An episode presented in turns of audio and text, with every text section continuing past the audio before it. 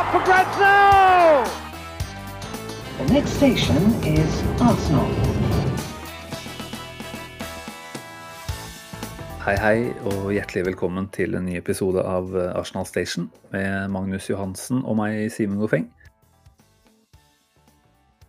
Det du hørte der, var lyden av eh, apati. Det er eh, samme regla for tredje uke på rad. Eh, det er null eh, positivt omtrent å ta med seg etter, etter nasjonalkamp. Eh, vi skal gjøre et forsøk, Magnus, på å tråkle oss gjennom det som skjedde på Emirates eh, søndag kveld mot eh, Wolverhampton. Det ble 1-2-tap, fortjent sådan. Eh, ting ser vel rett og slett bekmørkt ut om dagen. Eh, få en kjapp eh, statusoppdatering fra Løten, hvordan, hvordan du føler deg nå. Nei, det er som du sier, da. Vi sitter eh, og repeterer oss eh, på søndagskvelda, som vi har gjort en del eh, søndager nå. Det eneste jeg ser, er trender i Norge nå. Det står Magnus, 'trending in Norway', på Twitter. Um, det er sannsynligvis en annen Magnus. Det er vel kanskje en sjakkspiller som har stjålet overskriftene. Men etter podden i dag, så kanskje det er jeg som trender. For det, det er klart han sitter inne med en del ukvemsord nå som vil ut. Men Nei, det er mm, Vi, vi snakka litt om det før innspilling her, at uh, at vi får, vi får stadig mer falkeblikk da, eh, på tingenes eh, tilstand. Vi, det er på en måte slutt på at vi ser på underliggende tall og detaljer underveis i kampene. Det er mer store spørsmål. Da.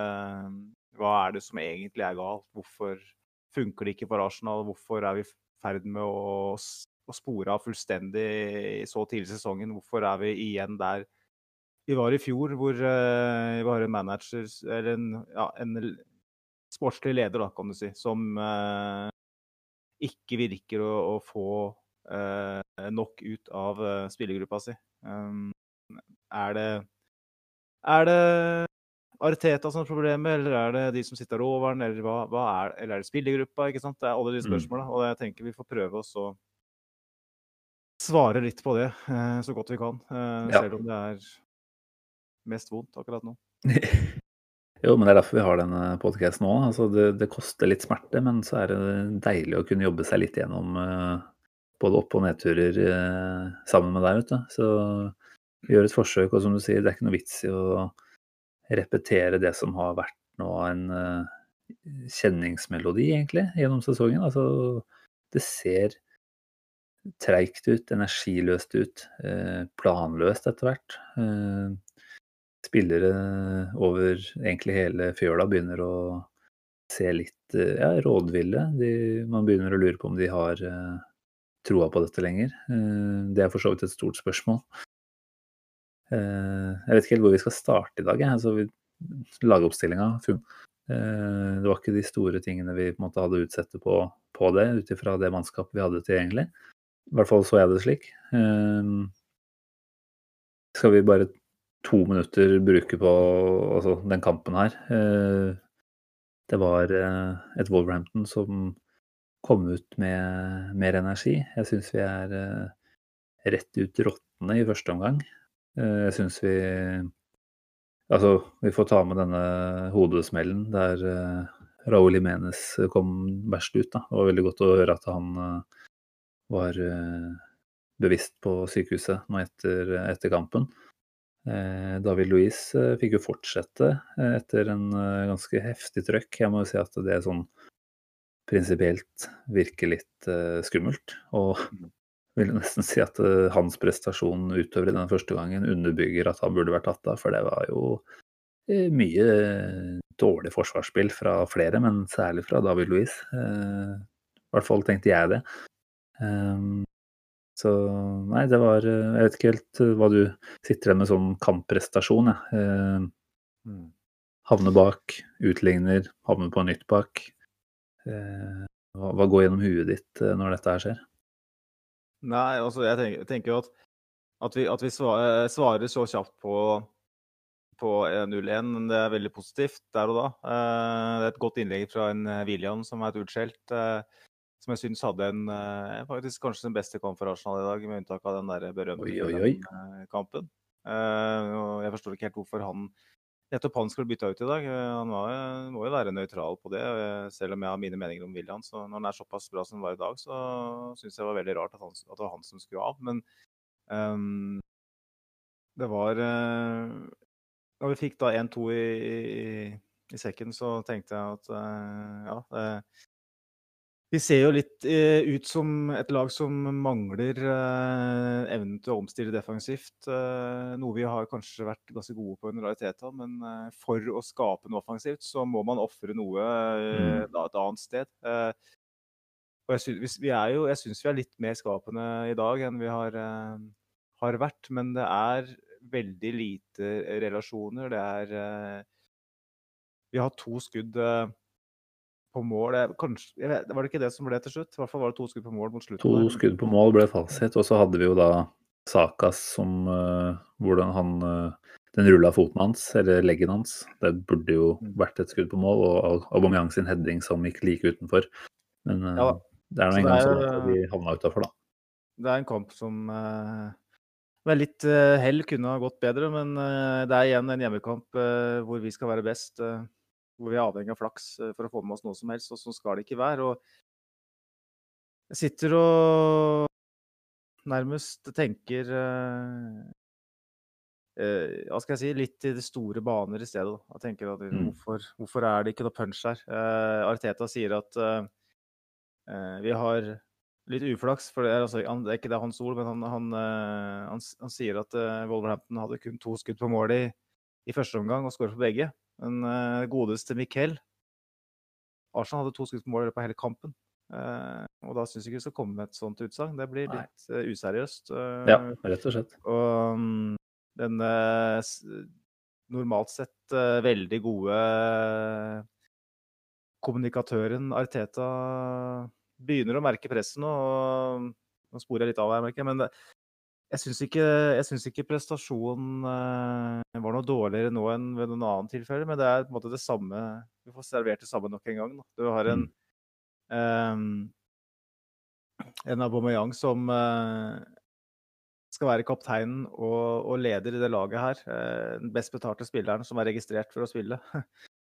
eh, som, is, som står og, og kjefter og smeller på Eller jeg vet ikke om han kjefter og smeller, men han klager iallfall uh, indirekte på Reece Nelson fordi at innlegget kom, ikke kommer dit den skal i andre omgang der. Uh, men når ballen da kommer et annet sted, så unnlater han å løpe på den ballen.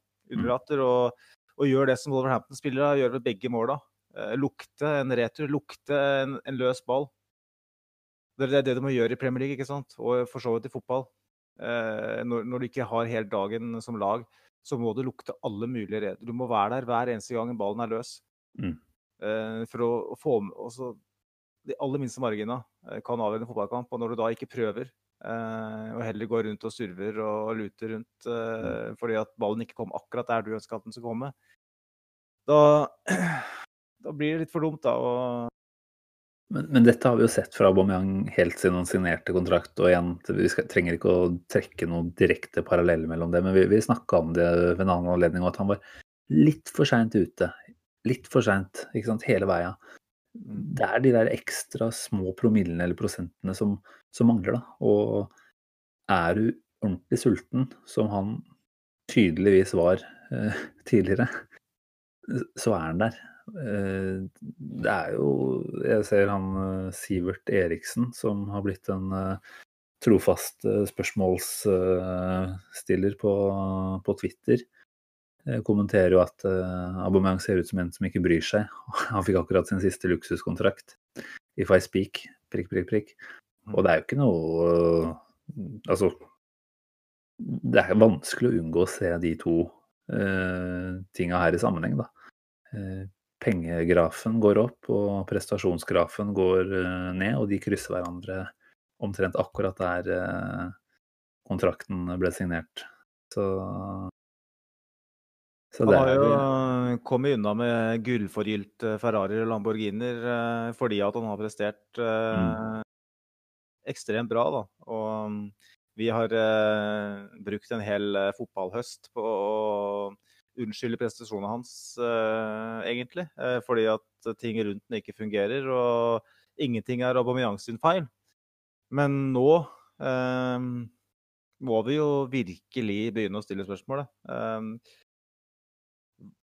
I dag, Ja, så, nei, altså- for første gang, syns jeg, da, så satt jeg med en følelse av at Aubameyang ikke virk, virkelig prøvde. Det er første gangen. Eh, jeg har tenkt det. Kanskje har det signalet vært der før, men jeg har kanskje ikke ønska å sett dem. Men mm.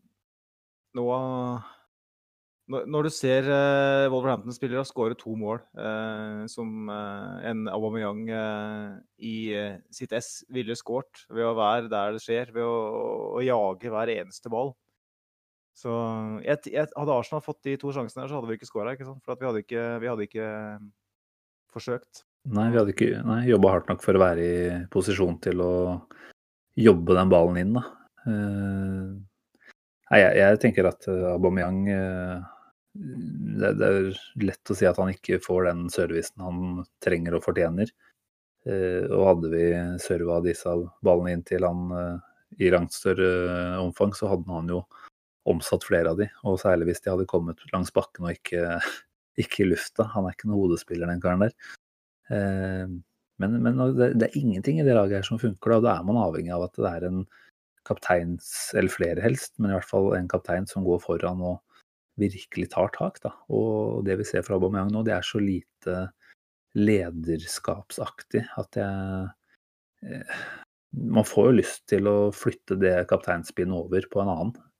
Fordi han er ikke en kaptein som tar et lag eh, gjennom noe motgang. Det, det tror jeg vi nesten bare må slå fast. Den personen virker han ikke å være. Eh, og så kan man stille spørsmål hvem andre i dette mannskapet er det som er, er den personen. Det er eh, stor manko på, på ledertyper. Altså jeg, jeg liker jo ikke typen, men Jordan Henderson, da. Det er jo eh, Det er lederskap eh, 100 da. Eh, Ja. Slaka-prosjektet tror jeg ikke vi trenger å gå tilbake til, men eh, det er liksom nesten det eneste navnet da, som, som er aktuelt. Det er jo han eh, skotten med Tesco-posen eventuelt, da, som eh, Ja. fremviser led lederegenskaper. Og så føler jeg at eh, Ja. ja, ja, hva skulle du si?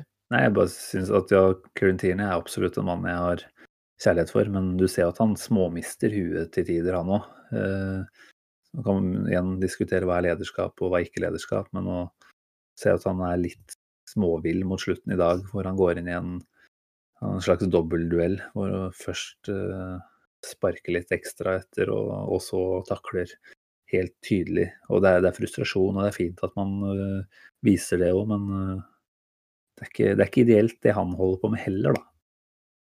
Og så kan man si at man ser alltid et negativt lys etter et tap, selvfølgelig. Og det, det stemmer nok, det gjør jeg. Men Ja. eh, Vi skal, er, ikke, eh, vi skal ikke utnevne noen ny Arsenal-kaptein her i kveld, men eh, det er Det er veldig mye som kladder. både kollektivt og individuelt. Da. Så du ser jo etter ledere både utenfor banen og på banen. Hvem er det som skal ta tak her? Og ja. Nei, Stian Børling, bare for å ta med han òg, han hadde et innspill her på Twitter.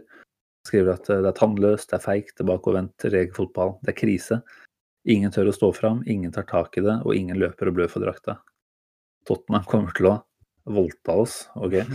Neste søndag, Arteta må inn på teppet øyeblikkelig og svare for seg. Det er ikke holdbart i det hele tatt. Hva det er altså eh, Ja, kanskje tørr egentlig er riktig ord, jeg vet ikke. Men eh, det er utrolig tannløst, og det er Nå er det på tide for Arteta å virkelig speile etter, eh, etter hjemmekampen mot eh, Aston Villa. Eh, Ja, vi sa i forrige episode at vi må Hvis eh, vi får fem-seks år å dra i gang kamp, kan man virkelig begynne å lure på om spillerne tror på Mm. prosjektet Arteta. Og det er jo det vi snakker om her. Skal vi prøve å, å se etter noen tegn hos eh, spillere i laget eh, når det gjelder troen på Arteta eh, og det han forsøker å skape, da. Og det virker jo litt som om den begynner å miste troa. Det kan jo bare være snakk om at de er inne i en så fæl periode og har så dårlig sjøltillit at, at de prosenta mangler. da, At, eh, at de trenger et par kamper med stang inn. og Som eh, Sebastian Ask skriver òg til oss, da, en forferdelig førsteomgang. Men hadde vi greid å score i andre gang, hadde vi sittet igjen og sagt at andre gangen var et tegn på hva vi kan. Um, og det er jo litt det, da. At vi akkurat nå så virker det ikke som vi er i stand til å snu det her sjøl. Vi, vi, vi, trenger nærmest hjelp fra oven. Uh, um, så er spørsmålet da om det er er det Arteta og hans prosess som ikke lenger er um, Hva skal jeg si? Når ikke budskapet, budskapet frem lenger, da? Eller er det spillere mm. som rett og slett har så dårlig sjøltillit? Og det er jo selvfølgelig en managers jobb, da. Å, å løfte mm. de spillerne. Å få dem til å tro på det. Um, men uh, det er mange, veldig veldig mange spørsmål der, og vi, vi har en kamp mot Tottenham neste her som uh, er så viktig at du, du, får vondt i magen. Ja, den er det bare å begynne å grue seg til, egentlig. Den uh, jeg, jeg, håper ikke at det er et være eller ikke være, og det tror jeg ikke det er heller. Og grunnen til at jeg ikke tror det, den kan vi også snakke mer om, det er jo at vi har en øvrig ledelse i den fotballklubben her nå som sannsynligvis ikke evner å ta noen særlige avgjørelser i det hele tatt. Og i den grad de tar avgjørelser, så er jeg langt ifra sikker på at det kommer til å være gode avgjørelser. Så, så jeg håper at Arteta får Jeg har sagt at han, han må sitte ut denne sesongen her, for vi, vi trenger virkelig å uh, gi han den tida. Han er en trener under utvikling. Uh, det, det, kan det ikke være noe tvil om. Men, men det er klart det er et spørsmål om hvor dårlig det kan gå før eh, det enten må snu, eller før han må eh, erstattes. Fordi Arsenal kan ikke mm. være bekjent av å ligge på 14.-plass i Premier League. Nå har det gått ti seriekamper denne sesongen her. Da er da man på en måte begynner å snakke om at det er lov å titte litt på tabellen. Mm. Ja, det er tett. Det er uh, absolutt uh, ikke mange poengene opp til en femte-sjette uh, plassering. men det er så mange lag imellom, da. Og det er jo ingen, ingen tegn ved det vi ser ute på banen nå, eh, i de aller, aller fleste kampene denne sesongen her, på at dette egentlig kommer noen vei, da.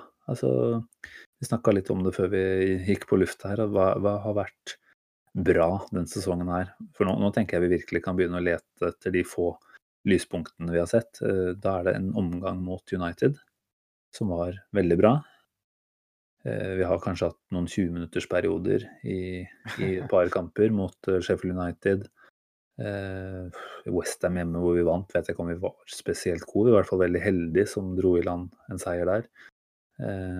Og i de kampene vi har tapt eller avgitt poeng, så, så har vi fortjent det. Eh, så, så det, er, det, er, veldig, veldig lite å slå i bordet med for Artetas del nå i forhold til Eh, hvor han har tatt dette laget videre etter, eh, etter en veldig veldig ålreit og oppløftende FA Cup-triumf, selvfølgelig. Men, men, vi hadde jo forventa veldig mye mer enn dette her. Mm. Eh, da han overtok, da, så det kan jo være den der såkalte ny manager-effekten som vi ser i andre klubber. Vi er ikke så veldig vant til eh, å bytte manager. Eh, men det var jo et Arsenal som gikk ut for å styre og bestemme i de aller fleste kamper. Og når vi spilte på en litt annen måte mot City og Liverpool og sånn, så skulle det være et, et unntak. Mm. Det skulle være eh, en litt, sånn, en litt smart Arsenal, da, noe vi etterlyste veldig på slutten under Wenger. Eller egentlig under ti, ti siste åra under Wenger, egentlig, og, for å være helt ærlig.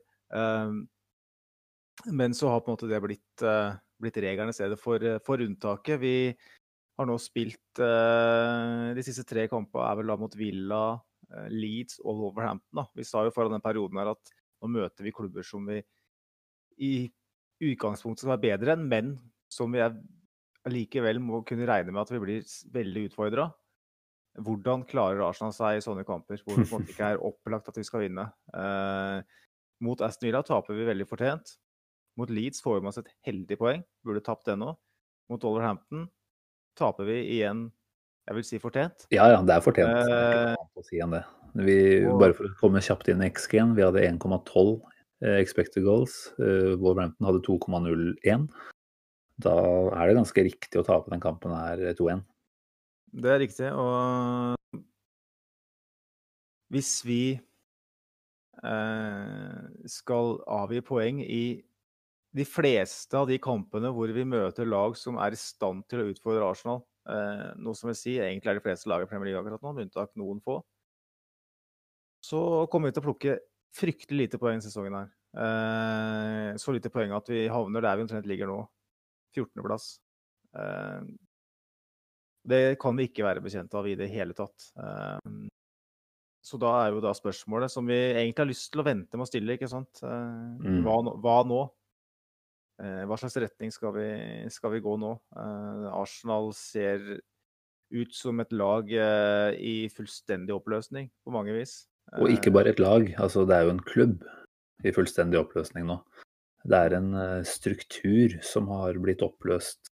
Man prøvde å bygge opp noe etter Wenger. Det funka ikke. Arteta kommer inn, gjør det bra, og får deretter det vi må nå i etterpåklokskapens navn kanskje kunne si er altfor mye ansvar altfor tidlig, uten å ha bevist altfor mye. Eh, han fikk managerrolle, eller tittel. Eh, det ble tynna ut i rekkene eh, blant eh, direktører og Eller ikke direktører, men CEOs, executives, da. Mm. Så vi, vi tok jo det opp når, når det skjedde. Altså hva skjer nå når eh, Arteta på et eller annet tidspunkt kommer til å eh, havne i en, i en dårlig periode? For, for det, det kommer jo til å skje. At det skulle skje så fort som dette her, hadde vi jo ikke turt å håpe på. Eller drømme om. Frykte. Ja, ja. Eh, men men eh, nå er vi jo faktisk her allerede, da. Og hva er egentlig hvor mye tillit har du da til at eh, eh, Altså hvis man tenker at Arteta på et eller annet tidspunkt nå, dersom ikke de, dette snus ganske kjapt Hvis man tenker at Arteta må erstattes, hvor mye tillit har du til at er du da nesten, og Vinay Venkatesham, det er omtrent de to som sitter og tar avgjørelsene. Eh, Hva, hva tenker du om den avgjørelsen som de i så fall da tar? Altså, det, det er jo nesten umulig å se for seg at det er en kvalifisert gjeng til å ansette en ny manager. Eller trener. Eller hva vi skal kalle det. Ja.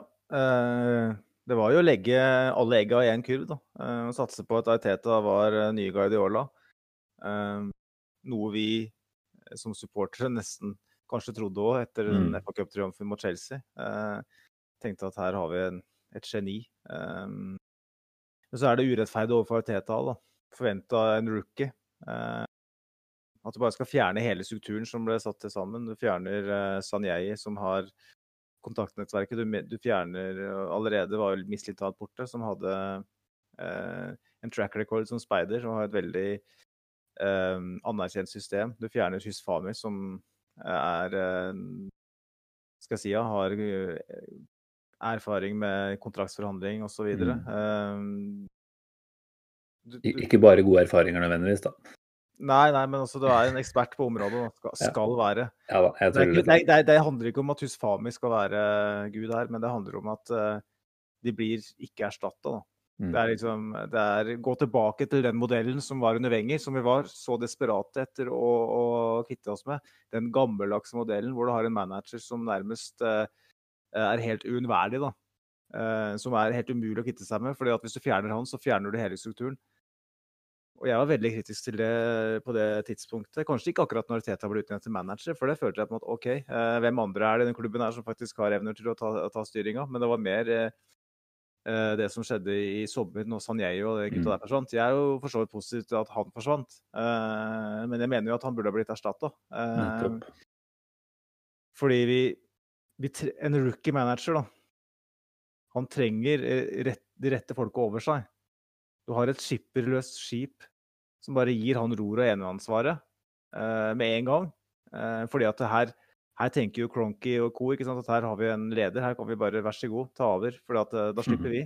Eh, og, da, og da med en spillertropp da, som er eh, tilfeldig bygd opp av eh, delvis superagenter. Både Sanjei og Edu eh, sverga jo til superagenter, mens en Mislintat da blir satt på sidelinja fordi at han prøver å bruke litt andre metrics. Um, og jeg sier ikke at Mislintat uh, burde vært her, men det er mer det der at uh, alt er så tilfeldig, da. Så når du plutselig har en leder som bare vær så god, ta over. Vær så god, bare kjør, du. Fordi at eh, Mm. vi har ikke noen ideer. Sitter en Edu eh, som kun har erfaring stort sett fra er det Corinthians og brasilianske landslaget, da, som er veldig veldig annerledes enn Premier League og Arsenal. Eh, og jeg har jo hørt diverse om Edu. eh, at han er eh, en som ikke akkurat jobber all verdens hardt på bakrommet. Som Mm. igjen er en av mange som bare gir Arteta ansvaret, da. Ja, jeg jeg, jeg, har, vil, jeg vil gjerne beholde Arteta, for han er den eneste som jeg genuint tror har et ambisjonsnivå som matcher det vi supportere har. da.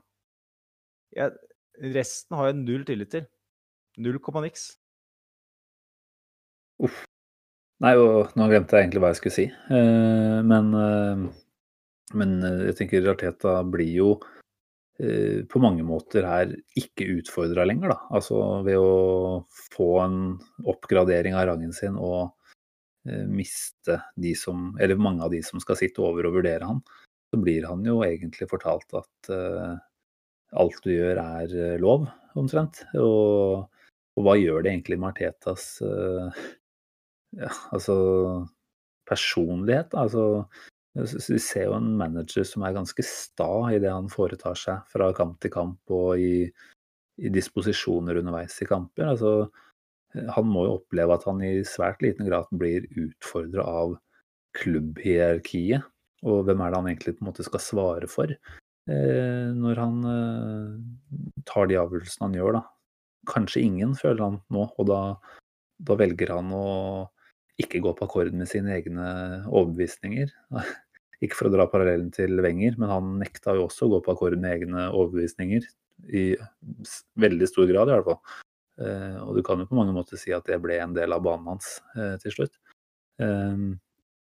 Eh, jeg tenker Arteta har jo nå på en måte en posisjon hvor han er omgitt av yes-men, omtrent. Altså, han har jo et eh, ungt uh, trenerapparat med seg, bortsett fra Steve Round, da, som var en, uh, var en mann under David Moyes og som har mange år på baken, så er det, det er vanskelig å se for seg at det er så mange som setter seg opp mot Arteta. Og jeg sier ikke at man skal gjøre det uh, fordi alt han kommer med er feil, men jeg tenker det er ganske sunt da, å ha en kultur i en klubb hvor eh, det ja, både diskuteres og kastes ideer fram og tilbake. Hva, hva er det som er riktig her? Men jeg tror Arteta nå sitter på en eh, troen omtrent da, og tenker at eh, det er min måte å gjøre det på, eh, litt uansett. Og Ja, det er- det- det kan er jo greit. det, ja, det kan Ja. godt hende det betaler seg etter hvert, ja, altså, men, eh, men eh, nei, jeg, jeg tror vi, vi er liksom i et eh, skikkelig vakt, maktvakuum da, som klubb nå. Og det er helt feil, som du sier tidligere, at, eh, at det er eh, Arteta som i stor grad skal fylle det eh, rommet der på egen hånd. Nettopp. Nettopp. Det, um, begrepet maktvakuum har jeg benytta mye om både United og Arsenal etter henholdsvis Ferguson og Wenger. Um, og det tar nok eh, litt tid å skulle bygge en struktur etter en sånn uh, gallionsfigur. Ehm, at det skulle bli riktig så ille i begge klubber, det hadde vi kanskje ikke trodd, men uh, vi er jo fremdeles bare er det to og et halvt år nå siden Wenger uh, forlot oss. Uh, så kanskje må vi være litt mer eh, tålmodige, da. Men det er noe med det derre I likhet med United, da, så har vi eiere som eh, ser på oss mer med businessøyer enn med sportslige øyne, da. Og Mm. det blir veldig opp til dem, da. Eh, spesielt nå som vi har fjerna nesten hele strukturen rundt treneren. Den strukturen vi streba etter å, å bygge opp. Eh, og um, jeg er redd for at vi eh, At den skuta her bare drifter ut til sjøs da, ytterligere. Uten retning. For at målet må jo være at en hovedtrener eller manager ikke skal være uunnværlig. At vi ikke Mm. er så sårbare som vi har vært før. At vi ikke har en, en trener som, ikke, som kun svarer for seg sjøl. Vi plagde oss jo mange år av liksom, hvorfor er det ingen som eh, utfordrer Wenger? Eh, etter at David Dean forsvant, så var det liksom Det var gjennomgangsmelodien for debatten hele veien. Eh, og klubben bare går blindt i samme fella potensielt i, i, igjen, da. Og vi har en manager i tillegg som lærer på jobb. Han har aldri vært hovedtrener før, han har aldri vært manager. Eh, Hvem så det her komme? altså, ingen av oss, kanskje, men altså, egentlig så burde vi ha sett det komme. Mm. Vi må jo Det er mange som sammenligner Ariteta liksom med Klopp og med Pochettino og med eh, Guardiola og liksom at, Ja, men se hva de gjorde på samme tidspunkt. Eh, men Ariteta har aldri hatt en jobb før.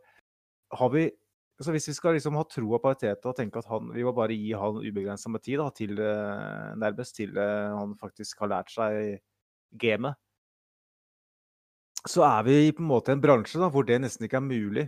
Hvis Arteta ikke er den neste Guardiola, eller halvparten av det, så kommer han ikke til å klare å og Spesielt når han da ikke har noen rundt seg som kan rettlede den litt, når han eh, som tross alt nærmest er en elev i den bransjen her så, så, kommer det ikke til å gå bra. da. For nå har vi bygd et, en struktur, eller nærmest egentlig revet ned en struktur, eh, for at han skal kunne styre det her alene. Og hvis han da eh, eh støter på et, et, blindspor, sånn som han har gjort nå, da, så, har de, så, har han ingen støtte innad i klubben. Mm. og da så, så, brutal er bransjen at uh, hvis, det for, hvis, det her fortsetter i, fram til nyttår, så, så kan det hende at han får sparken. Fordi at da, da, da snakker vi nedrykksform. Vi, vi, vi, raser ned på tabellen. Vi er på 14.-plass, mm. og vi, vi har uh, tapt tre hjemmekamper på rad mot Aston Villa, Leicester og Wolverhampton. Og vi blir totalt utspilt av et nyopprykka Leeds. Um, sånt kan ikke foregå i to måneder til. Det går ikke. Nei, det, og det, det, kommer jo ikke klubbledelsen til å være blind for heller. Men, eh, men jeg tror jo at terskelen for å sparke Arteta er relativt høy nå, altså. Med tanke på at han har den statusen som han har som manager, og at det er totalt manko på andre mennesker i den klubben her som omtrent er fotballkyndige, da, kan du si. Altså det å bygge opp et nytt uh, apparat igjen nå, uh, midt i en sesong, det er jo nesten bortimot umulig, vil jeg påstå. Uh, så, så, så fremt ikke spillergruppa helt tydelig vender seg mot, altså at det kommer rapporter om at det er oppbruddsstemning omtrent der inne, at folk nekter å stille opp på trening for å, for å, gjøre en innsats for den fyren her, så, så, tror jeg ikke han får sparken. Jeg, jeg, jeg, sliter veldig med å se det for meg, men, men det er selvfølgelig altså ligger vi og lukter på et nedrykksområde rundt juletider halvveis sesong omtrent, så, så, så, kan man jo på en måte aldri si aldri, da. Nei, altså som jeg sier, det er, det er brutal bransje. Du vi, Han får jo litt hjelp eh, kan potensielt sett i at det ikke er 60 000 på, på stadion. Da. Fordi kanskje, kanskje, kunne det ha bidratt til at Arsenal hadde våkna litt, men hvis, hvis vi ser bort fra den muligheten, da, så ville jo, ville den jo etter hvert ha blitt pepet ut uh, mm. oftere og oftere. Og det var det som skjedde med Memory. ikke sant? Hele, alle omgivelser mista, mista troa på den. Inkludert de som betaler for å, å se, se, en live. Så, yep. Og da så, sånn, Det ser du i alle andre klubber. At det, det betyr sparken. Uh, I United så har du jo f.eks. Uh, så har du Solskjær, ikke sant. Uh, fordi at han har vunnet han avgjorde Champions League-finalen i 99, så, så, så det veldig, sitter det veldig langt inne for uh, de som er på Old Trafford, å begynne å skulle pipe og vise misnøye på den måten. Um, Arteta har ikke den standingen i Arsenal. Um, det vil ganske fort, uh, med full, uh, fullsatt Emirates, bli veldig negativt, uh, sånn som det er akkurat nå. og jeg vet ikke. vi hadde jo en fransk manager i et par og 20 år som hadde veldig mye suksess, men som mot slutten mista det, mista det litt. Og, men å, å, å, tape tre hjemmekamper på rad med den type fotballen vi spiller nå, det skjedde ikke under Wenger. Nei, det gjorde ikke det. Og han fikk høre det ganske bra i perioder, så mm. Nei, det er Vi, har, vi snakka om veiskille forrige episode, og vi, vi, er i det veiskillet, og den Tottenham-kampen nå til helga, den er eh, Ja.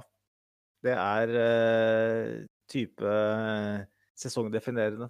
Ja, det vil jeg absolutt holde med deg i. Det er så enkelt. Altså et tap der nå, så for det første så ser vi jo sannsynligvis ikke noen muligheter til å ta igjen Tottenham, da. For da har vi vel en elleve poeng bak hvis vi, hvis vi taper der. Eh, og hva et nytt tap, da. Den rekka vi er inne i nå er ganske forferdelig, rett og slett. Eh, og det er underveis i en sånn rekke at det virkelig må være samling i bånn. Og det skal være en desperasjon da, blant, blant spillerne. Og det er jo på mange måter en perfekt anledning til å vise seg.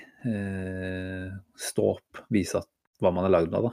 Men skulle man da ikke greie det, da kan man begynne å frykte når vi på en måte skal klare å, å vise hvem vi er. Da. Så nå ser jeg Arteta sier at Thomas Partey er ute i flere kamper. Mm. Det var på en måte mitt lille håp her, at han er tilbake til ja, så fort som mulig til Tottenham helst. da.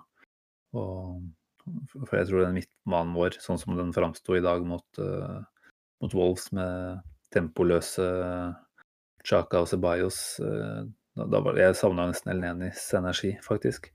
Um, og det, tenk, at, tenk, at, vi sier det. Vi, vi savner Elneni på banen. Altså mannen som vi ikke trodde vi skulle regne med spilte et eneste minutt før sesongen starta. Det er, eh, det er så mange mangler i det laget her at det er det med skremmende utgangspunkt jeg går løs på denne uka her nå. Altså med Tottenham på søndag kveld. Det, det er noe jeg kjenner at jeg gruer meg skikkelig til. Et lag som har blod på tann, og som ser at Arsenal er eh, et bytte som det absolutt er mulig å ødelegge litt her, rett og slett. da. Ja. Um, jeg føler jo at du er inne på uh, noe sentralt her når du, når du sier at du, du, savner energien til, uh, til El Neni. Um, når det gjelder midtbanen vår, så har du to spillere der ute i dag som vi vel nesten hylla i, i sommer, i mm. Sjaka og Ceballos, men det begynner å fremstå som mer og mer klart for meg i hvert fall at det er ikke den typen spillere vi trenger for å gjøre det veldig godt i, i Premier League. Da. det mangler det berømte punchen. Et veldig vidt begrep, ja, men det er det ordet som hele veien faller ned i mitt hode når jeg tenker på det. De har ikke den punchen som skal til i Premier League. Det mangler tempo, det mangler den derre offerviljen uh, mm. periodevis når det gjelder å komme først på den ballen. Se, hvor mange ganger i løpet av kampen vendte Sjaka bakover når han uh, kunne spilt en offensiv kule? Hvor mange ganger? Jeg vet ikke, det var mange. En Ceballos eh, som eh, løper rundt og han, han, han, gjør jo ikke noen tekniske finesser engang. Han bare står og spiller ballen på tvers. Den ene gangen han hadde et fint gjennomspill, da snubla han ballen gjennom. Det virka nesten tilfeldig at han fikk en ja. inn. Det er ingenting, da. Det er to krabbespillere som rett og slett ikke passer. Eh, når du ser på de lagene som har vunnet Premier League de siste åra, så er det vanvittig mye fysikk og tempo mm. i, i midtbanespillet. Det er ikke alltid de beste ballspillere, men det er, det er, spillere som virkelig har punch. da. Det mangler laget her, spesielt eh, på midten. Og vi er jo uheldige med at vi da har henta en spiller til 50 millioner euro som er skada. Eh, men vi skal ikke være så avhengig av en, en nysignering heller. At vi faller ned til 14.-plass uten. Det, sånn, sånn, skal det ikke være. Eh, men det handler jo selvfølgelig òg om at den klubben her har rekruttert svakt i mange år. Vi har gått til sengs med superagenter, eh, noe Wenger sverga mot. Eh, og vi ser jo mer og mer eh, at en klubb i Arsenals størrelsesorden som ikke er elite, men som er rett under, så har vi ikke råd til å gå til sengs med superagenter. For da får vi de der eh, andrerangsspillere, de som ikke de aller største klubba vil ha. Som er litt på toppen av karrieren, som uh, uh, ser etter en, uh, noe å gå til seters med for å mm. spise seg fight. Og hvor mange av de spillere har vi ikke signert, da? det, var, det var jo snakk om at vi måtte signere noen av de for å kunne få muligheten til å hente de aller, aller store, største stjernene. Eh, jeg vet ikke helt hvem vi altså Vi henta OPP for en latterlig høy sum penger, så sånn sett kan du si at han er blant de største stjernene. Men, men vi har jo ikke henta noe som har vært superbra. Eh, altså Thomas Partey var vel ikke en agentdrevet eh, overgang, var det det?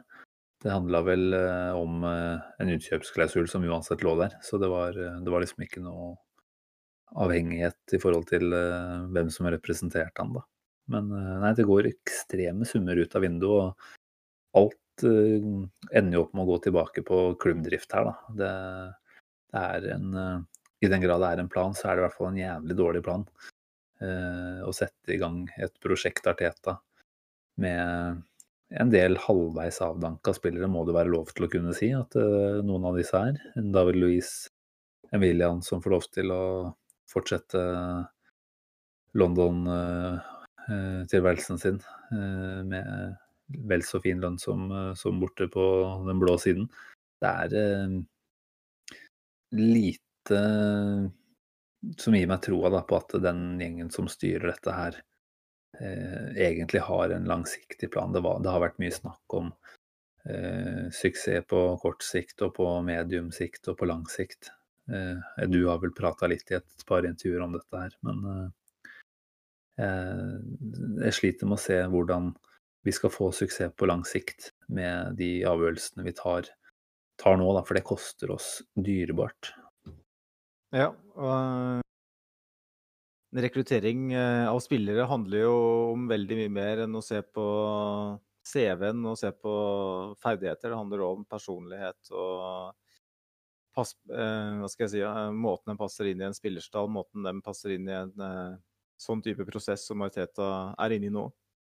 Og å gå for en sånn Queens Black Rangers-versjon og hente gamle spillere fra klubber som presterer bedre enn oss, eh, som stort sett nesten alle er fra Chelsea, virker det som, av en eller annen grunn. Men, Mm. og eh, så ser du òg Vi henter jo Lichsteiner fra, fra Juventus for noen par år tilbake. og eh, Du lurer på hva, hva var greia der, liksom. Hvorfor Stefan Lichsteiner? Eh, det, det, er mange sånne, da som du tenker av en Cedric fra Southampton. Southampton presterer jo bedre enn oss nå, men kanskje ikke da. Men vi Jeg ser hva, hva, hva er planen, da? Hva er planen? eh, Og det går igjen tilbake til det at vi har ingen struktur, da. Vi har ingen ledelse. Vi har et, eh, et skipperløst skip som driver eh, ut på de sju hav uten noen retning. Som er helt avhengig av én mann i Arteta, eh, som ikke har noe erfaring med å styre et skip. Da. Han er en, en, en matros som skal være skipper. Uh, og det, alle egg er lagt i den ene, ene kurven. Og klart, er han uh, det neste av Guardiola eller Klopp, så er det fint, det. Men også ta en sånn sjanse. Da. Det er en klubb som allerede på en måte er litt økonomisk pressa. Eh, som ikke har råd til å ta Champions League-avgjørelser på et Europaliga-budsjett. Eh, som har blitt sagt mange ganger. Eh, skal vi da nærmest eh, satse med livet på én eh, mann uten noe å vise til? Anna enn Ja, vi har jo Du kan jo argumentere for Arteta og jeg har jo gjort det sjøl med tanke på at han var så attraktiv som hun var på det tidspunktet. Eh, ønska av Guardiola, ønska av Pochettino, ønska av Enger eh, i, en, i en rolle. Men eh, det er Det er et jævlig høyt spill, da. Eh, og skal du spille så høyt, så må du iallfall sørge for at du At han har råd til å mislykkes. Nå har vi Jeg føler ikke at Arsenal har råd til å mislykkes. Med mindre eh, KAC er villig til å sprøyte penger inn i klubben hvis det her går til helvete. Og det har i hvert fall ikke tillit til. Dette er eh, bekmørkt, eh, Magnus. Det er vanskelig å finne lyspunkter etter et tap, altså. Og i hvert fall når det har blitt eh, flere av de på rappen, og prestasjoner som ikke har vært eh, noe å skrive hjem om i det hele tatt. Jeg tenker den jobben her, eh, den, den visste eh, både vi og Arteta at var kjempestor. Eh, og så fikk vi kanskje et slags kunstig eh, forhøya håp av den starten og av trofeet og av måten Arteta prata på. Det er klart han, han lovte oss ikke gull og grønne skoger. Han sa at det kom til å være en eh, heftig jobb, men vi, vi, vi ville jo selvfølgelig eh, tro at dette her skulle bli så bra som mulig, så fort som mulig. Og jeg husker jo at eh, det er jo ikke lenger enn siden den nevnte United-kampen tidligere her, at vi snakka om eh, Det er ikke langt opp til toppen. Eller jeg sa i hvert fall noe om det. Og det, det fremstår jo som idioti nå, allerede bare fire runder etterpå. Eh, Så ja, jeg vet ikke helt hvor jeg ville med den uh, setningen her, men jeg syns jo absolutt at Arteta, når han først nå har blitt satt i den posisjonen han har, da, så, så, jeg håper ikke at det blir en agenda nå på sosiale medier som etter hvert får lov til å flytte seg over på Emirates, som allerede nå på torsdag mot Rapid Wien skal begynne å ta imot supporter igjen. jeg håper at han Rett og slett med tanke på at jeg ikke har noe troa på at vi får inn noe bedre alternativ. Så håper jeg at han får tid til å fortsette å feile, for det kommer han til å gjøre. Eh, men han eh, Han eh, Nei, jeg vet ikke. Han, han må bare nesten å få resultater, da. Litt på bekostning av det han kanskje ser for seg er sin ideelle plan. Men for meg så ser det ut som Mariteta, ut ifra hvordan jeg oppfatter han eh, eh, som, eh, som, som, trener eller manager, da, så føler jeg at han nærmest gjør nettopp det. da. Han spiller på en måte som i hvert fall fra, altså Kanskje i dag så var, var litt mer offensiv i stilen og ble straffa for det, men vi har jo spilt på en måte som kanskje ikke han vil gjøre på sikt, fordi at spillematerialet ikke har vært bedre enn det er. da. Så det har blitt for defensivt, for forsiktig, sånn i våre øyne. Mm. Men i hans øyne kanskje for at det er den beste måten å oppnå resultatet på. da. Om det er en plan, så funker den iallfall ikke, og han klarer ikke å endre underveis heller, hvis, hvis utgangspunktet eh, ikke funker. I dag så, ifølge Gorbinio, da, som jeg antar de fleste Twitter-brukere følger, en stats-guru på Arsenal stats-guru på, på, Twitter. Han skriver at uh, Arsenal forsøkte 36 innlegg i løpet av kampen i dag og traff medspiller tre ganger. um, altså Vi har en, en Aubameyang som egentlig har ferdigheter som en bakromsspiss Uh, og i dag så var det en god del bakrom i perioder, det vil jeg faktisk påstå. Men vi hadde midtbanespillere som stort sett studde seg bakover og slo på tvers og bakover hver eneste gang det var mulighet til å slå en bakromsball. Um, men som Arbinio skriver um, Sannsynligvis ikke noe, en god idé å fortsette å prøve på innlegg når du aldri treffer en medspiller i boksen. Um, og I hvert fall ikke når du har en spiss da, som ikke har de ferdighetene. Da kan vi jo hente Giroud i januar, da, hvis vi skal spille på den måten. Um, for det, det, det er, ringen, rett og slett. Vi skårer ett mål i dag. Jeg spiller første spillemålet siden før krigen ca. Uh, eh, og det er jo en midtstopper som er tilbake etter en hold, nei, som er igjen i boksen etter en corner. Mm. Uh, et veldig fint mål uh, for øvrig. Og jeg syns det eneste som er positivt med offensivt spillet vårt i dag, syns jeg, sånn som du kunne se i hele kampen, var at det virka som vi hadde en, en ganske god plan på dødballene våre. Eh, hvor vi flere ganger fikk en god ball på bakerste stolpe. En holding som eh, ikke kom over ballen. En, en Aubameyang som eh, er rett utafor. Eh, det virka som oss, Der var William kanskje fremste fremste bidragsyter. da. Og når han ble tatt ut, så Og igjen Ikke at jeg er hans største fan, men det var Det var bra, da.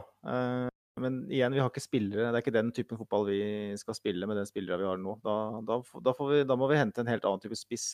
Lacassette han virker ikke som han, han virker som han spiller fotball med eh, vektvest om dagen. Han kommer ikke over en eneste ball.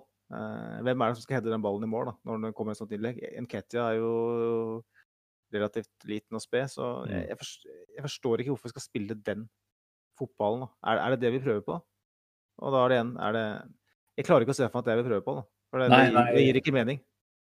Men når man gjør det så til de grader, altså var det sånn 36 ganger så slår vi innlegg, da, da er vi jo åpenbart jævla gode på det, da, selv om vi ikke nødvendigvis har lyst til å gjøre det. Altså, så da, da, må vi jo i så fall, som du sier, hente inn en helt annen spisstype som har mulighet til å omsette de, de legga der.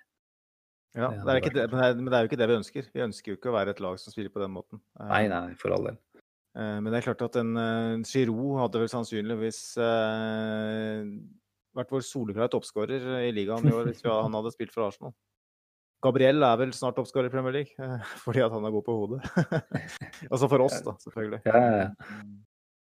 ja, jeg vet ikke om vi kommer noe, noe, videre på dette her akkurat nå. Det føles jo veldig, veldig vanskelig å sette ord på hva som går feil her. Og det er jo for så vidt ikke jobben vår å sette ord på det, men vi kan jo sette ord på den frustrasjonen. og Det er vel kanskje apati som er ordet som jeg innleda med her, som man føler, eh, føler veldig mye på. Da. Det er eh, en følelse av noe som vi så under Emery, da, hvor det endte opp med å bli ganske, ganske fælt til slutt. Så jeg håper for all del ikke at det, dette her fortsetter. Nå, nå, La oss ta to ord om Tottenham før vi skal videre på X-spilleren, Magnus. Um, det er uh, kveldskamp på søndag etter en europaliga. Det, det er jo bare å pakke vekk hele, hele den elveren som han ser for seg å å spille mot Tottenham. De, de, skal ikke spille mot eh, Rapid Wien, tenker jeg i hvert fall. Eh, der skal han være knallhard nå. Spørsmålet er jo selvfølgelig hvem skal spille mot Tottenham. Hva er et optimalt lag der? Kjører vi en Trebekslinje igjen, kanskje? Ja, jeg tenker at nå, nå er vi så desperate etter å ikke tape den kampen at um, uh, vi får gjøre den ene tingen som som Ariteta virkelig har fått til i løpet av den tida han har vært i Arsenal, det er å sette opp et lag mot uh, antatt bedre motstand, og det smerter meg å si. Veldig òg.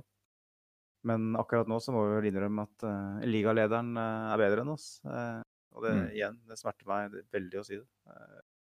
Tottenham er Jeg syns ikke Tottenham spiller all verdens til fotball, men de har par offensive spillere som har en kjemi som gjør at hvis de får noe rom i det hele mm. tatt, så vil de straffe oss eh, ganske brutalt. Så gi ballen for Tottenham er mitt budskap. Eh, la, dem, eh, la dem trille og styre, og så er det bare å kjøre full pupp offensivt hvis vi får mm. muligheten. Uh, mm. Og nikk, nick, nick a win, altså. Eller nikk og draw, i verste fall, som du sier. Jeg er Det jeg er litt redd for nå, er jo at vi, vi kanskje, kanskje, vinner vi mot Tottenham borte. da. Nettopp fordi at det er en sånn type kamp som, som vi Og det vil jo uavhengig av uh, hva som skjer etterpå, føles ut som en veldig bra greie. Men jeg er jo på en måte redd for at at, at, det kan på en måte være en sånn der, hvilepute for oss. Da. Så Nei, jeg vet ikke. Altså, må, det, må... det, til å, den sjansen er jeg villig til å ta. da. Hvis vi vinner mot Tottenham, så, så får vi heller frykte den hvileputa etterpå. Jeg klarer liksom ikke helt nå å se at uh, det blir noe seier uh, der. Jeg vet ikke om de får ha noen tilskuere heller. Det er jo, jo mulig. Jo, jo, det, er, det blir første gangen vi spiller på den du berømte mm. doskåla med, med fans, da. Og det er jo da utelukkende Tottenham-supportere. Ja, ja. Men de får, ikke, lov til å synge eller rope. Altså. Det hadde vel så vidt gjort uansett. Så det er vel en eh, Det blir en spesiell affære, selvfølgelig. Men uh, skader ikke da at det er no, noe folk på tribunene. Selv om de sikkert sitter spredt utover hele stadion. Så det blir jo en Det blir ikke noe trøkk fra noen, noen sving eller noe sånt akkurat. Nei, vi, vi får jo bare krysse alt vi har da, Magnus, for at det her er uh, ja, vi er inne i et veiskille, men at nå, nå er vi, på, vi, er på feil vei, og nå må vi snu, og så må vi finne riktig, riktig kurs igjen. Mm. At Arteta klarer å Altså, vi har jo heldigvis noen da, som jeg stoler på at klarer å bygge opp en slags uh, riktig innstilling foran en kamp som det er. Altså, jeg, jeg, tenker en holding, en Bellerin, Tierney, kanskje Sjaka, da, som nå denne uka her klarer å tydeliggjøre for resten av gutta at dette her, dette er det viktigste vi gjør omtrent i Arsenal-drakt. Å spille mot uh, argeste rivalene. Mm. Og bare bygger opp en slags sånn Ja, jeg vet ikke helt hva de trenger, for de har jo en mye å tape uh, utgangspunkt her. Um, hadde vi vunnet i dag, så hadde vi på en måte hadde hatt en liten slack-mulighet. da. Men vi er jo liksom der nå at det å tape den kampen der vil virkelig akterutseile oss når det kommer til å kunne ta igjen Tottenham. Så det er, ja. det er ganske store, store premier på spill så tidlig i sesongen.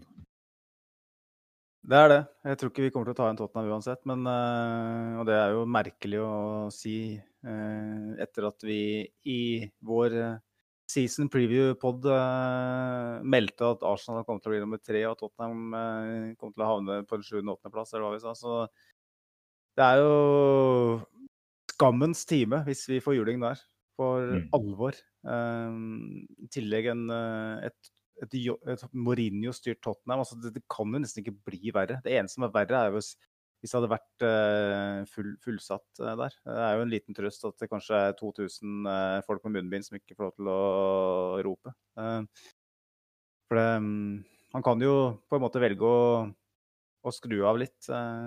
Slette Facebook og Twitter og slette noen telefoner på telefonen og sånn, og bare ja, dra ut i skogen og bygge seg en gamme, da, sånn som vi snakka om forrige gang. For det er jo det.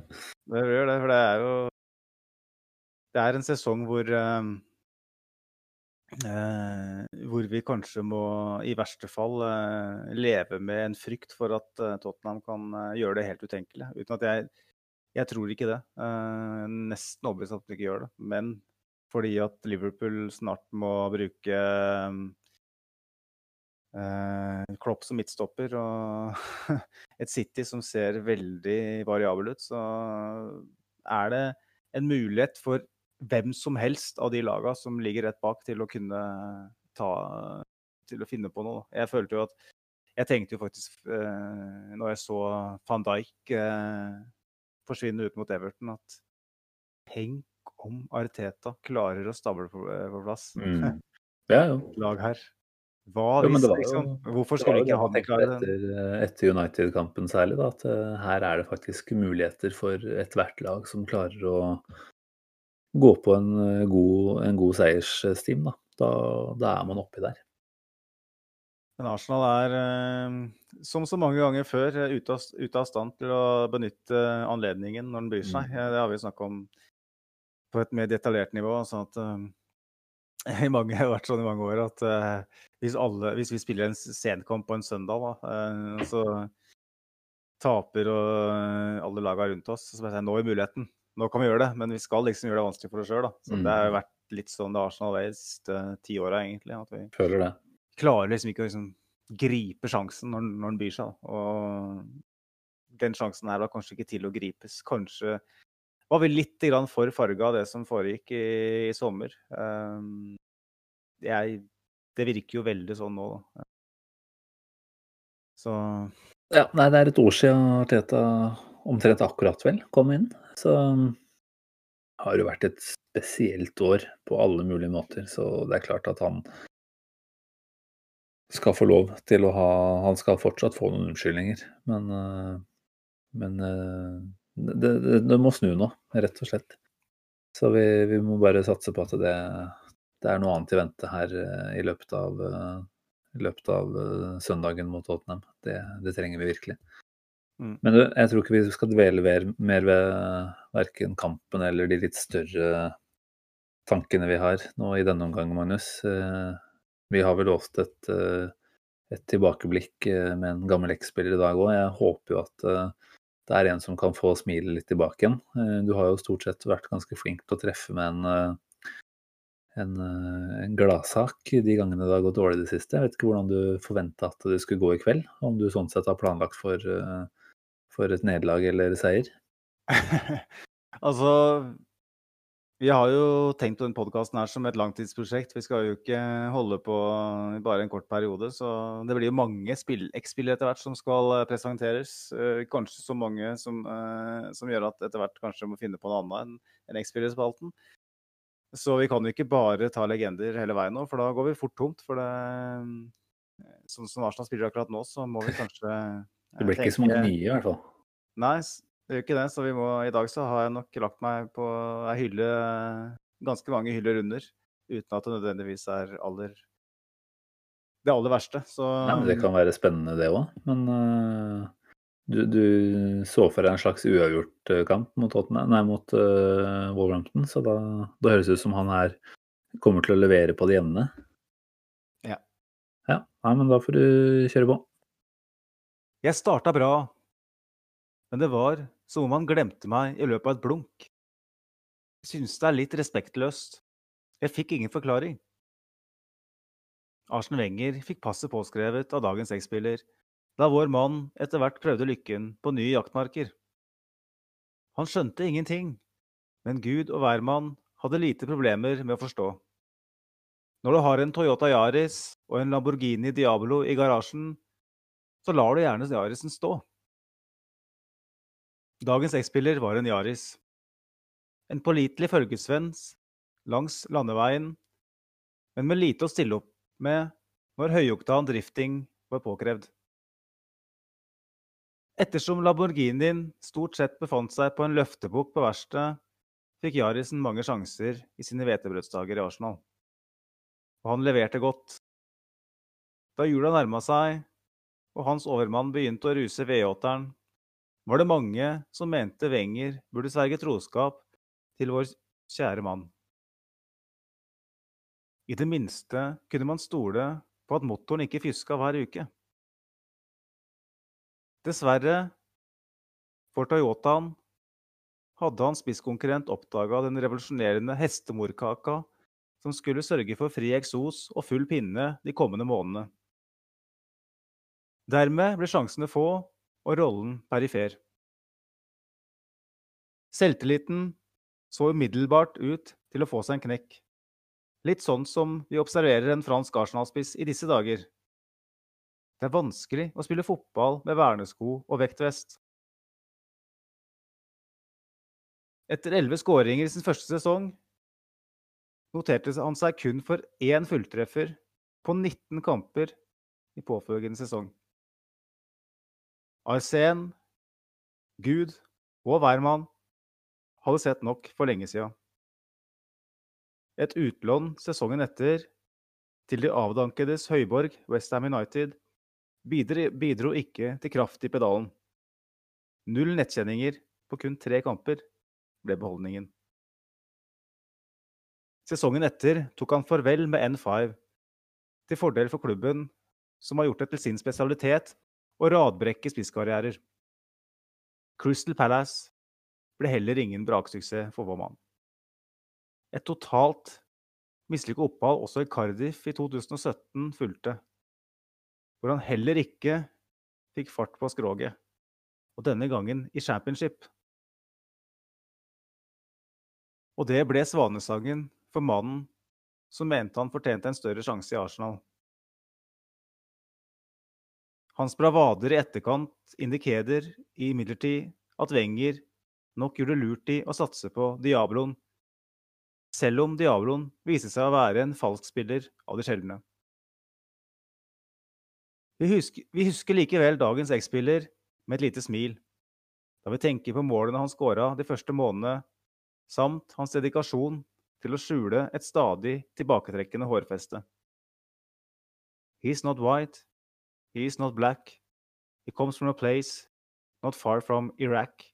He plays up front, and he plays in attack. He's our mate, Marwana Shamak. Na-na-na-na-na, na-na-na-na-na, na-na-na-na-na, na-na-na, na-na. Ja, det var veldig fin, eh, Magnus. Eh, han var ikke noe, var ikke noe personlig favoritt, eh, Marwan Shamak, selv om han eh, ja, golla noen på starten her. Jeg klarte liksom ikke helt å få sansen for den. jeg. Eh, kan ikke huske at den sangen ble sunget så veldig mye heller. Jeg bodde jo i England den sesongen der, Ah, så jeg var jo på 40 kamper. Eh, og den sangen, den, den spesielt på bortekamper, så var den veldig ofte sunget. Ah. Eh, kanskje den mest sunget, med unntak av Samir Nasri-sangen, som de fleste Mm. sikkert husker. Så um, han var veldig i vinden. Eh, det var jo et håp om at han kunne være den spissen eh, som endelig holdt seg skadefri og skåra, i tillegg skåra mål. For det, folk hadde begynt å miste troa på van Persie, som jo er Diabloen Ja, ja. eh, omtalte. Ehm, men i desember, var det vel, i 2010, så ble han skadefri, og hadde jo da etter det en og en halv sesong hvor han var helt eh, ekstrem. Så da var jo Shamak ferdig. Han var jo Jeg syns han var en helt OK spiller eh, første halvåret, men en gang van Persie kom tilbake, så mista han han det fullstendig. fantes jo ikke tvil der. Men jeg husker han hadde jo, det passa jo bra at du tok han opp nå mot uh, Wolverhampton, for han hadde jo en fin bortekamp der. hvor Han skårte vel var det første og siste minutt omtrent i en, i en bortekamp på Molyneux. Det stemmer, det. Så du var kanskje der òg? Den kampen var jeg ikke på, for det var på en mandag. Mm. Så da skulle jeg på jobb dagen etter, og sånn, og da var det vanskelig. Men da var jeg, jeg husker jeg var på Gunners pub, og så hadde de noe strømbrudd eller noe sånt, så jeg måtte løpe til 12 pins. da. Og for de som er kjent i i den delen av London, så er det ganske Det er jo en tipper bortimot en kilometer. Eh, så det var jo full spurt. Eh, og da så gikk jo glipp av eh, det første målet hans i den kampen. ja. ja, det kom tidlig. Nei, men du, det her var jo Jeg syns ikke det nødvendigvis var noe mindre bra, selv om ikke legendestatusen er særlig høy, så var jo dette et artig tilbakeblikk, da. Så du trenger ikke å legge lista skyhøyt eh, framover på, på, folk. Det er, eh, det er jo mange ålreite karakterer det går an å trekke fram. Som eh, ja, kanskje ikke nødvendigvis har blitt uh, veldig fremtredende, men litt sånn kultheltaktig allikevel, da. Og kanskje håret på den kameraten her som gjorde han uh, kultheltmateriale, uh, først og fremst. Jeg hadde jo Jeg har hatt ei litt tøff uke, da. Jeg mista bestemora mi, som jeg har hatt, mm. veldig, hatt veldig nært forhold til, på mandagen. Og um, ja, det var, var, veldig lenge i tvil om jeg, jeg, klarte å skrive noen X-spiller denne uka her. Da tenkte jeg å velge, velge en som mm. Ja, en annen tale som var litt viktigere. Så yes. klar, klarte å presse fram ord om uh, Shamak, da. det var ikke uka for Berkamp eller Henry, det her, for det, da hadde det blitt tatt litt for mye tid. Pass på at ikke du mikser opp disse talene her, så du ender opp med å kjøre sjamakk uh, i, i, kirka. I hvert fall. Når jeg sier det sånn, så var bestemora mi var en uh, Diablo. En Lamborghini Diablo. en til å stole på.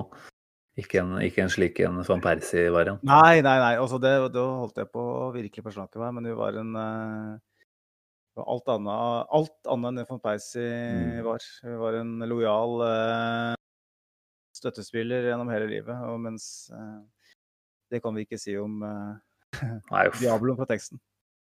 Nei, jeg syns det er sport her at du etter, etter, en tung uke, som du sier, både serverer en bra X-spillerspalte og serverer masse bra Arsenal-prat. Det er godt, godt, at du fant tida til det en søndagskveld, Magnus. Jo. Tenker jo, Vi håper at Arsenal gir oss litt mer drahjelp eh, neste uke. Eh, for det er tungt å podde etter nok en møkkaprestasjon, jeg må jo si det. Så, så vær så snill, Arsenal. Eh, gi oss eh, noe nytt nå. Eh, dette her funker jo åpenbart ikke lenger, så nå må det, nå må det være samling i bånn og ut og skyte spurve med kanon eh, til neste helg. Har du noen, eh, noen avsluttende fraser før vi, før vi, skal runde eller? Ja.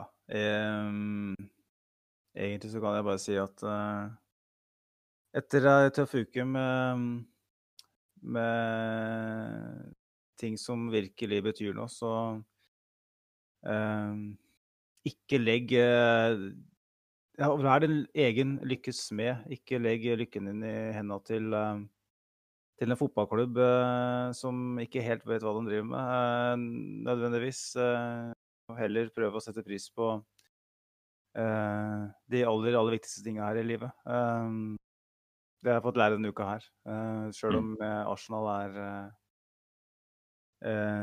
vært, føltes som liv og død for meg til tider, så finnes det viktigere ting. Og ikke, ikke la superagentenes hva skal jeg si, ja, eh, bravader eh, ødelegge hverdagen deres. Det, det er viktig å si. Mm. Nei, det er verdt å, verdt å, minne seg selv på hva som er viktig, som du sier. Og fotball er det Av alt som ikke handler om liv og død, så er jo fotball det viktigste. Eh, det er vi enige om. Men andre ting som, som skal få forrang, så er det for så vidt veldig godt å kunne lufte litt vekk fra virkeligheten og, og, snakke fotball, også når det skjer viktige ting i livene. Så, så det må jeg si at du har fått til med, med bra, bra funksjoner i dag, Magnus. Men skal, jeg skal ta det med meg ut i neste uke. Det er, eh, det er andre ting her i verden som, eh, som det går an å sette enda mer pris på enn om Arsenal faktisk vinner. Selv om en eh, seier mot Tottenham på bortebane er noe av det aller heftigste du kan få, nesten uansett. Da mister vi hodet på nytt. Det kan vi si med en gang. Ja, nei, vi har vel en plan om å podde etter den kampen òg, har vi ikke det? Så vi får bare satse på at eh, det blir eh, ålreit. Eh, Nå tenker jeg vi får runde av for denne gang, for det ble jaggu meg godt over en time i dag også. Det hadde jeg faktisk ikke trodd. Jeg trodde vi skulle ha en skikkelig eh, nedfor-runde på en halvtime og, og bli fort ferdig, men eh, nå er klokka ja, det er vel natta, egentlig. Så det er vel på tide å komme i køysen og være klar for ny uke.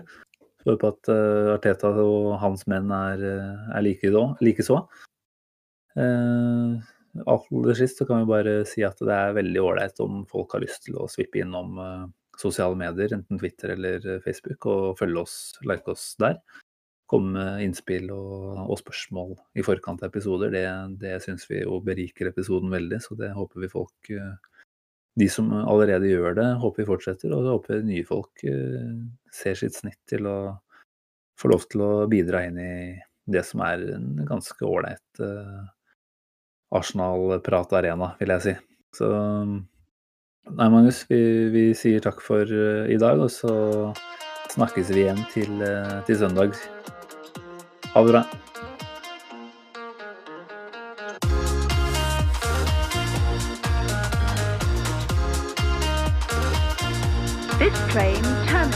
Here.